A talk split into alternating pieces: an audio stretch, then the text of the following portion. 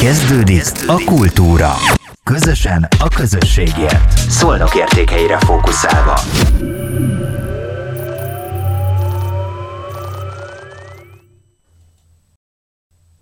Üdvözlök mindenkit, és sziasztok! Én Kovács Janka vagyok, és ez itt a Szolnokért Podcast Kultúra című műsora.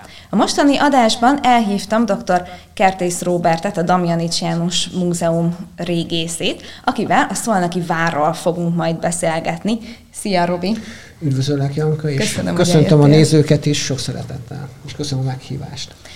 Ö, nagyon sokat gondolkodtam már korábban is, hogy szeretelek volna elhívni az adásba, viszont a héten kaptam egy hírlevelet az Abanováktól, amiben egy videó volt, amit ugye Hajdú Csabával vettetek föl, a Szolnaki Várról. Nagyon jó, egy ilyen kis egyórás videó volt, ezt majd a nézőknek is majd be fogom linkelni, a videó alatt meg lehet találni, és fönt ültetek a várnak a kapunak a tetején. Hogyan történt ez? Mesélnél esetleg így erről, illetve arról, hogy miért kezdtétek el ezt forgatni? Megkeresett eh, Molnár Lajos Milán az Agora vezetője, és azt mondta, aki nagy lokálpatrióta, mint tudjuk, és azt mondta, hogy olyan izgalmas ez a vár, és a szónoki identitásnak is egyébként nagyon sokat jelent, és nekik az Agorának van egy ilyen programjuk, ők családfakutatással is foglalkoznak nagyon beatónan, ugye ott van a, a szónok lovagrend, tehát hagyományőrzés is zajlik, és ebben a, ebben a, ebben a témába illet bele nekik is a, a, ez a várprojektnek a bemutatás, hogy hol tartunk most, milyen leheteket találtunk, és én már rendszeresen szoktam egyébként előadásokat tartani iskolákban is, múzeumban, különböző helyeken, szakmai konferenciákra is elvittem már a Szolnoki Várat, tehát olyan fórumokra, ahol még a Szolnoki Vár nem szerepelt. Ez egy folyamat nyilván, és írunk is róla. Pont a Prestige magazinban van egy sorozat, ahol szoktam egy tudományos népszerűsítő írásokat már évek óta megjelentetni, és nyilván vannak szakcikkek is. De film még így nem készült, és a Molnár Lajos Milán fölkérésére álltam kötélnek egyébként nagy örömmel, hogy, hogy készítsünk egy komolyabb anyagot erről a várról, hiszen van miről beszélni.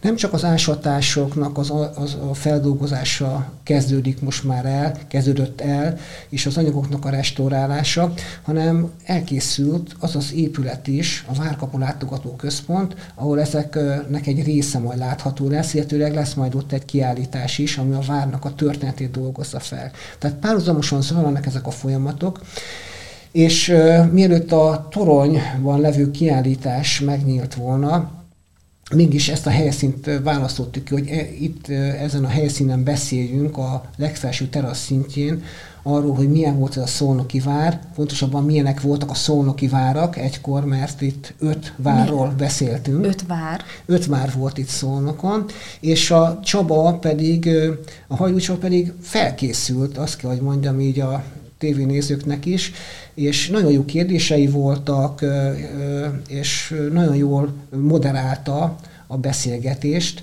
és egy közel egy órás anyag készült el, amiben nem csak mi beszélgettünk ketten a Hajrú Csabával, hanem lesznek, vagy pontosabban vannak archívanyagok is ebben a beszélgetésben. Az ásatásról Szónok tévének köszönhetően elég sok videóanyag készült, ezeket az aktuális részekhez bevágtuk, illetőleg a, azt kell, hogy mondjam, hogy a csabályek is nagyon felkészültek voltak. Mondhatni, van egy tévés stúdiója már az Agórának, rájöttek arra szerintem, hogy a Covid miatt is, hogy a virtuális térbe való megjelenés, vagy folyamatos vagy, vagy a fajsúlyos jelenlét az nagyon fontos, és nagyon komoly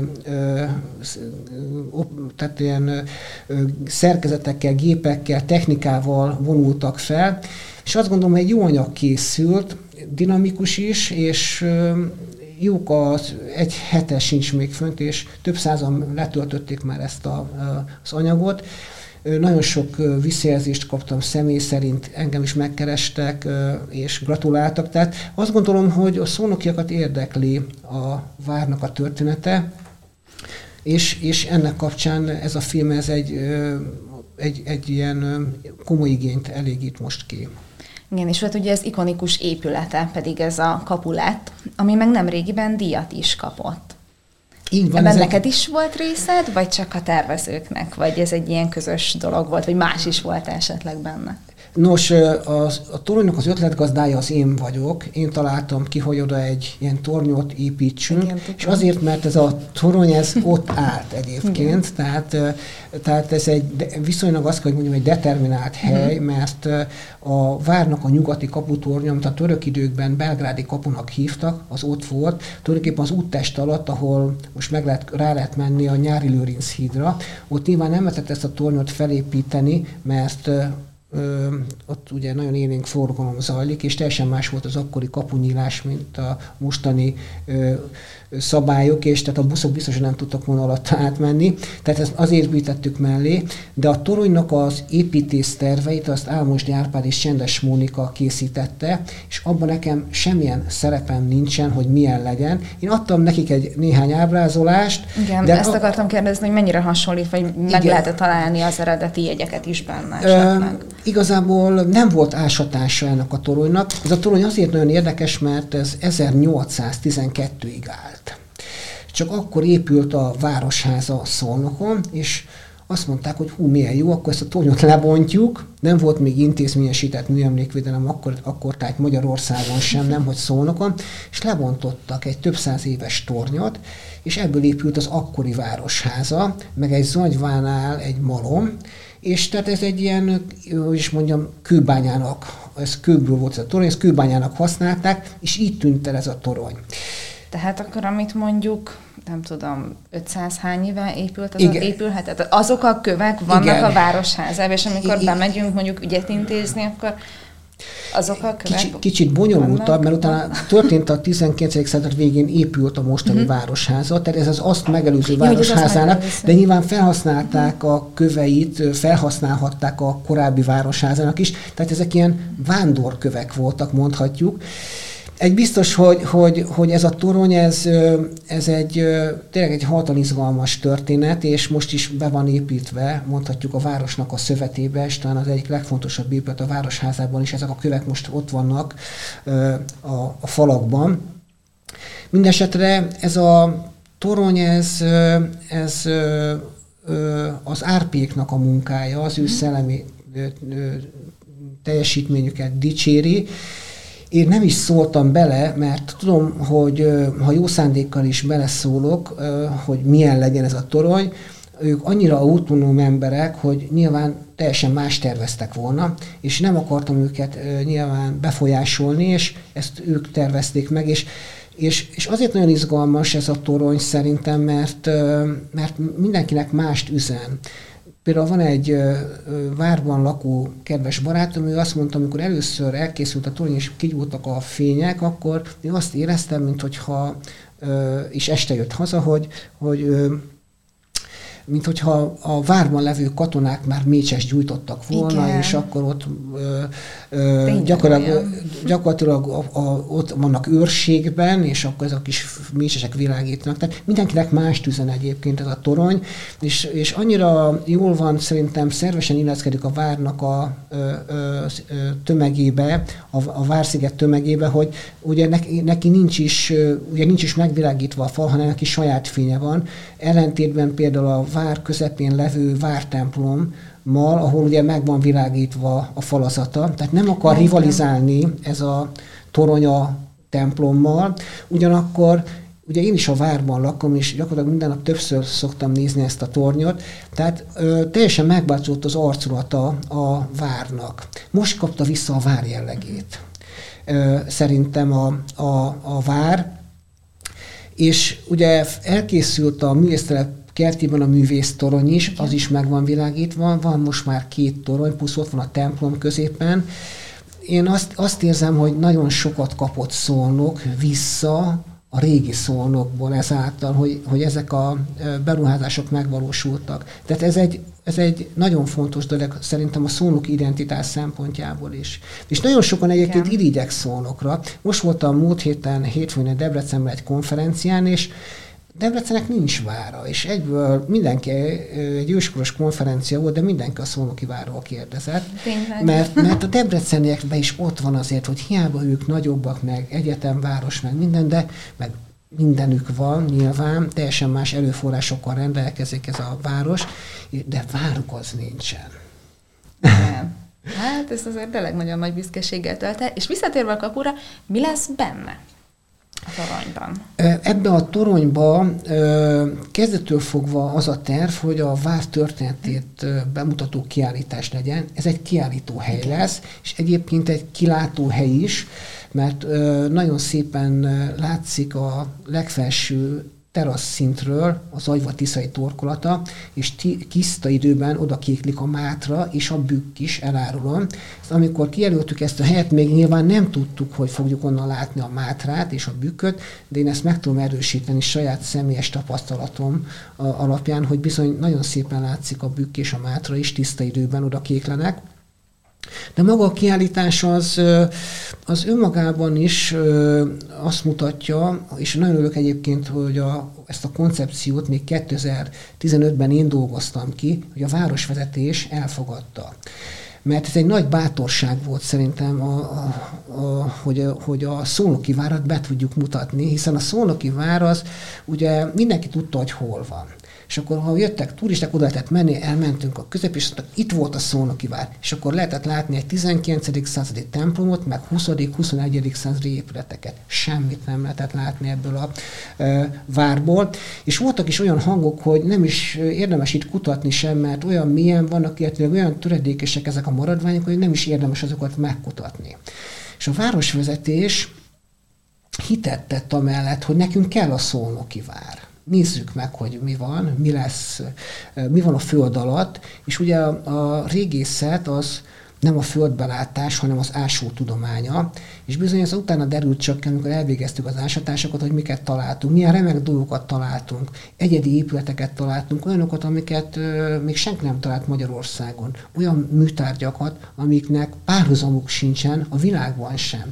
Tehát kiderült, hogy nagyon jelentős és karakteres szónok épített középkor és koróikor épített öröksége, és ezt be lehet mutatni ebben a az épületben, ami azért nagyon izgalmas, mert van egy remek múzeum a Szónoknak, a Dalmanis János Múzeum, ahol szintén van régészeti kiállítás. És én állítottam össze Mind a két kiállításban benne vagyok a, a, a múzeumosban is, természetesen több mint 30 éve dolgozom ebben az intézményben, ez az első munkahelyem, és nyilván a toronynál is igyekeztem, hogy a két kiállítás kiegészítse egymást. A múzeumban elsősorban a tárgyak bemutatásával szeretnénk ezt a korszakot megfoghatóvá, érzékelhetővé tenni. Tehát amiket az ásatáson találtatok? Igen, a várban, igen, a várban talált leletek kerülnek bemutatásra. A toronyba viszont, ami ugye egy ötszintes épület, ahogy beszéltük, és tehát ott viszont más hangsúlyok lesznek. Elsősorban nagyobb teret kap a rekonstrukció, a 3D rekonstrukció, és, és a, legyen ez egy tárgyról, egy töredékes tárgyról, vagy pedig egy épületről lehet légyen szó. Említetted még jó pár évvel ezelőtt, ugye, hogy lehet, hogy 15 környékén, mikor elindult ez az egész projekt, ugye, hogy a Pálócinak egy ö, sírkőtöredékét találtad, meg azt is lehet majd ott látni? Igen, vagy, igen, igen, szóval... Vagy ez most nem, nem emlékszem már pontosan, de, hogy az hol de, van, hogy de mit mondtál. nagyon jól emlékszel, Janka. Valóban 2015-ben került a kutatás látókörébe ez a sírkőtöredék, ami azért nagyon izgalmas, mert ez egy vörös márvány sírkőtöredék, egy egész alakos lovagi sírelméknek a melkasi része, tulajdonképpen egy melvért, ami gyönyörűen van vésve. Ez egy király külfaragó műhelyben készített darab, amiről sikerült megállapítani, hogy Mátyás király egyik első bárójának, Páló Imrének, aki szónok földesura volt, az ő síremlékének a része volt ez tulajdonképpen. Ezt úgy kell elképzelni a tévénézőknek, hogy volt egy sírláda, aminek minden oldala kőből volt, és volt egy sírfedlapja, sírfedlap kőből, amin a, az elhunyt volt kifaragva teljes, egész alakos síremléket kell, lovagi síremléket kell elképzelni, és, és egy zászlót tart a kezében. És az analógiák alapján nagyon jól tudjuk, hogy ez a sírőnök is így nézhetett ki. Na most ez a sír, ez, ez a síremléktöredék, ez áttörés jelentett már a késő középkori szónok kutatásában, mert korábban azt gondolták, hogy szónok egy jelentéktelen hely volt, a késő középkorban. A környező települések elnyomása alatt volt, és tulajdonképpen nem tudott fejlődni, egy fejlősképtelen történetet vizionáltak itt a kutatók. Nem voltak források, ugye? És a források, ha nincsenek, legyen az történész vagy régész, akkor a fantázia kap nagy teret. Viszont a, ugye a régészek is ugye forrásokkal dolgoznak, mi tárgyi forrásokkal dolgozunk elsősorban.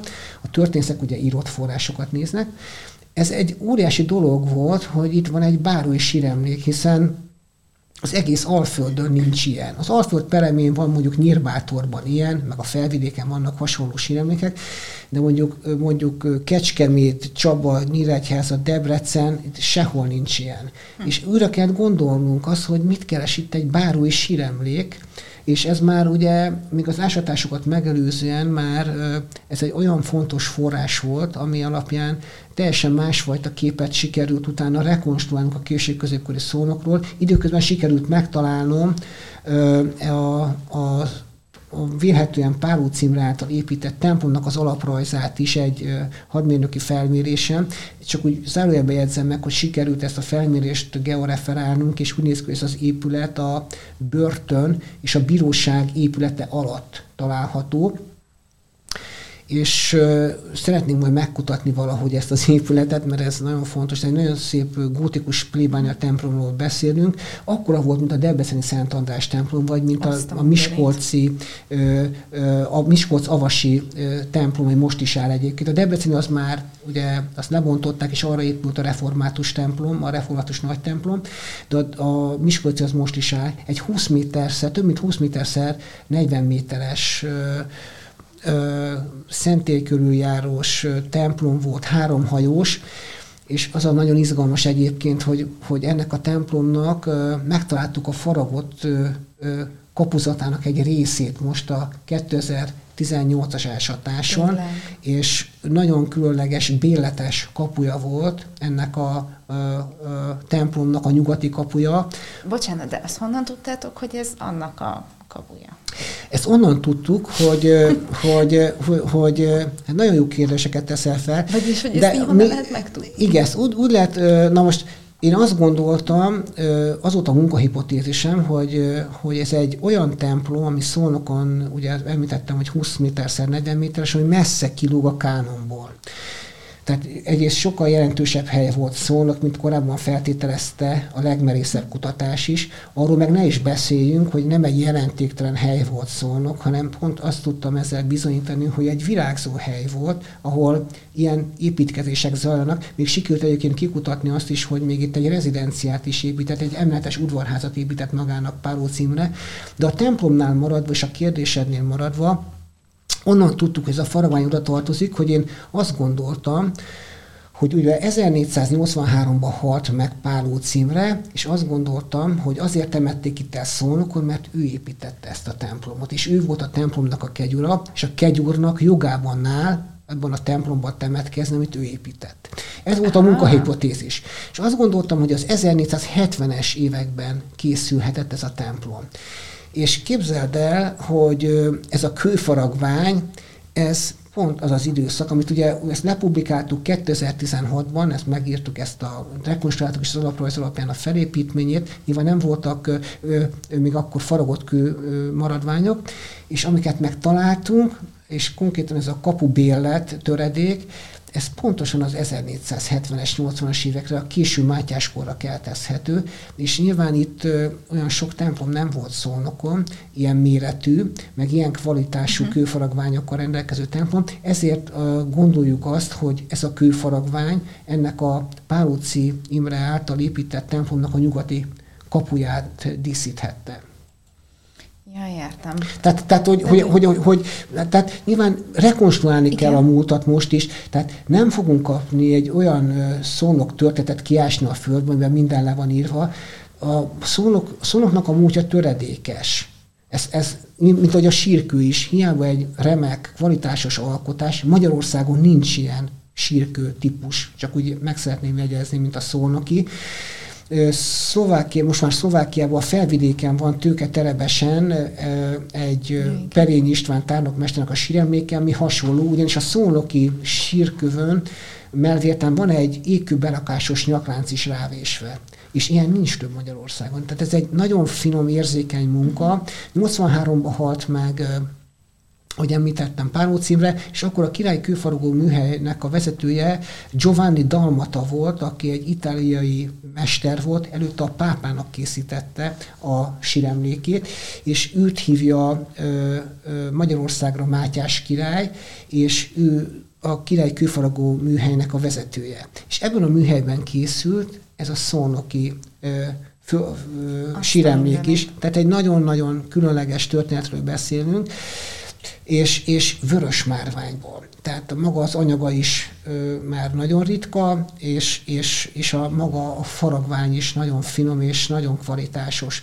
Úgyhogy ezek a, a, a szónok múltjának a kis részei, ezek így állnak össze, ilyen kőfaragványtöredékekből, és azt szeretném megegyezni, hogy ezt a sírkőtöredéket nem mi találtuk, nem szakemberek, hanem egy egy lokálpatrióta szolnoki ember, egy mélygarást építettek a várban, és Igen, ezt kérdés akartam, hogy mesél, de... Igen, szóval ott onnan kandikált ki a két és fél méter méről a, a, a, a mélygarás profiljából ez a kőfaragvány, és megvette tulajdonképpen a munkásoktól, akik ezt tulajdonképpen szerintem nem is tudták, hogy mit találtak, és ő is ott őrizte 19 évig a padlásán, és utána szólt, és így került tulajdonképpen a kutatásnak a homlokterébe ez a tárgy, ami egyébként rávilágít arra, hogy milyen értékes leletek vannak a Szolnoki vár területén, és mi minden mehetett egyébként sajnos veszendőbe, amíg nem voltak ásatások. Tehát azért jegyezzük meg, hogy Szolnokon nem volt még városi régészet 2017 előtt, és úgy épültek fel a házak, vagy adott esetben nagyobb épületek, hogy nem voltak régészeti kutatások azt megelőzően. De egyáltalán nem volt? Azért nem. úgy tudom, hogy voltak A várban? Nagyobb, nem, nem a várban, hogy a városban, a, vagy a várban sem voltak. A, a, tehát a történeti település magon uh-huh. belül, tehát ami magába foglalja a várat is, nem volt ennek hagyománya. Az első ilyen ásatás az 2010-ben volt a Bástya utca 9-ben, ahol ö, pontosan az Álmosdi Árpedéknak köszönhetően ők terveztek oda egy házat, és szóltak nekem, és sikerült megállapodást tető alá hozni a tulaj, mert ugye itt, itt a tulajdonosnak kell kifizetni a régészeti feltárás költségeit, és el kell ismernem, hogy a régészeti feltárás az nem egy olcsó dolog, mert ugye itt, itt munkások vannak, van egy térinformatikai feldolgozás, lehetek, restaurálás, stb. Tehát ez egy nagyon összetett történet. Nem minden, és ugye valaki házat épít, nem fogja felkeresni a régészeket, az más kérdés, hogy ezek a házak csak felettek, meglettek tervezés, és elkészültek, és sajnos nagyon sok minden úszómedencés házak épültek, amik nyilván több méterig megsemmisítették a régészeti kultúrtéget. Igen, szóval ez, ez, a, ez a véletlenül előkerült pálóci sírkőtöredék önmagában azt mutatja, hogy nagyon értékes múltja van szólóknak, töredékes ez a múlt, de lehet rekonstruálni ezt a múltat, és, és 2010-ben ástuk meg a Básti utca 9 ott megtaláltuk a várnak a keleti falát például.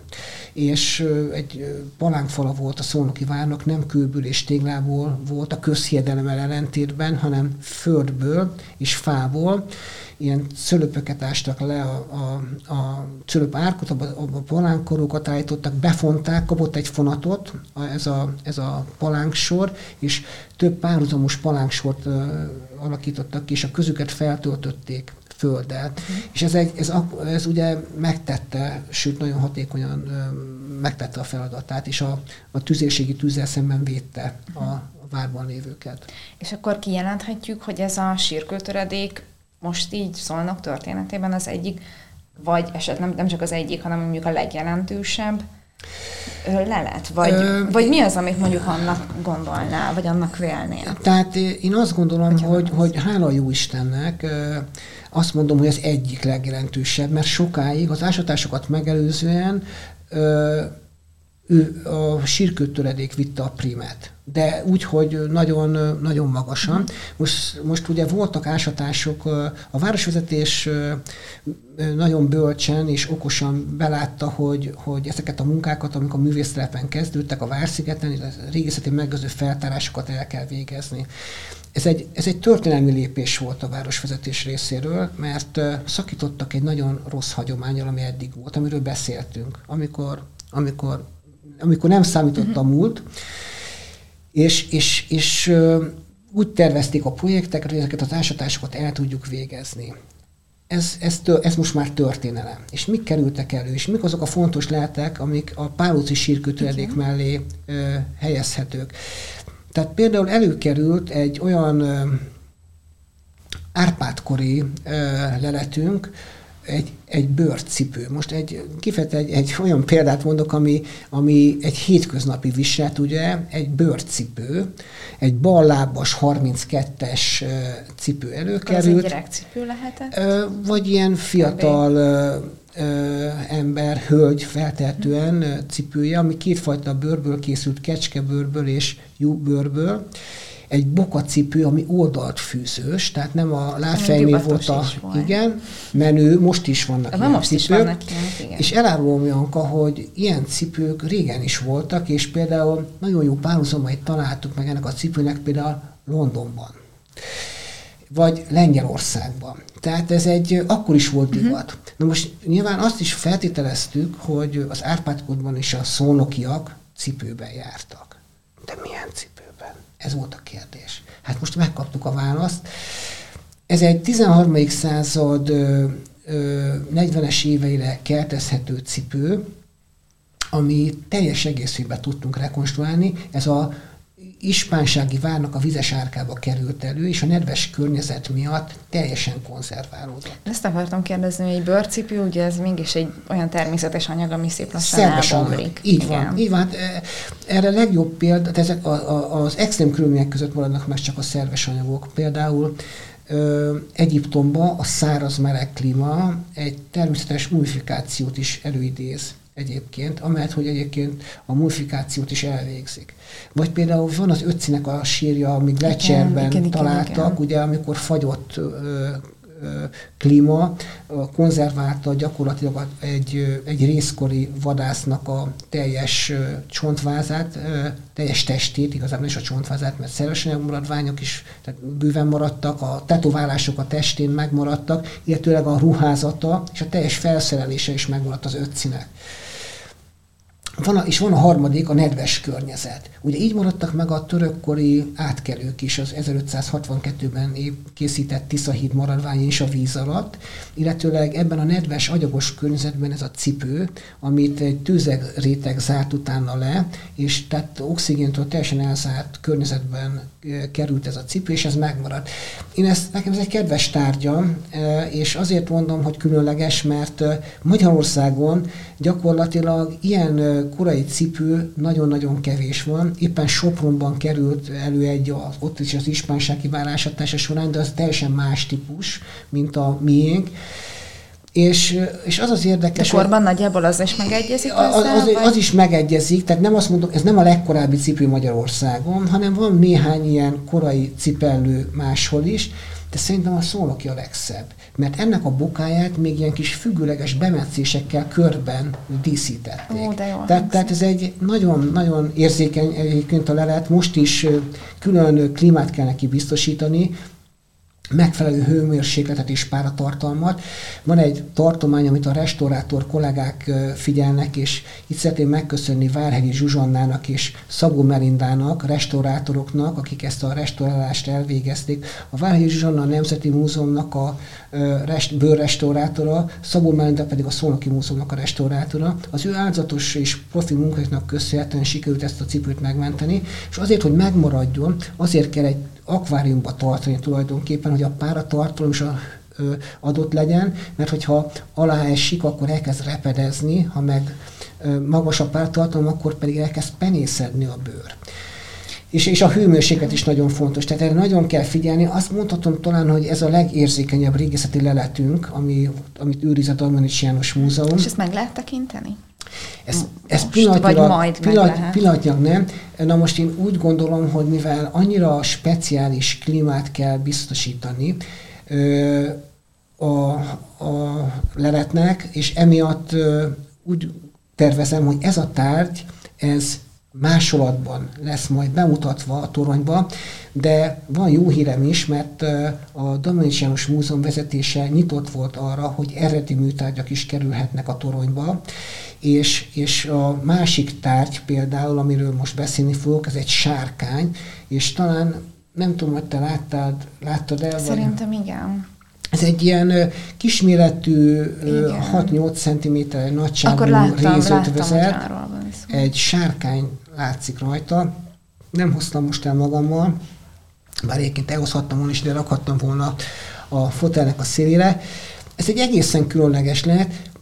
Az Oszmán Palota épületnek a második szintjén találtuk, ami a 16. század végére keltezhető. Nincs ilyen tárgy a világon sem, képzeld el, Janka. Tehát a törököknek sincs. Azt gondolnánk, hogy mivel egy török... De miért nincs neki? Azért, mert vannak ilyenek, hogy úgy hívják, hogy egyedi műtárgy, uh-huh. amikor, amiből kevés készült, vagy még nem találták meg a régészek, vagy nem publikálták.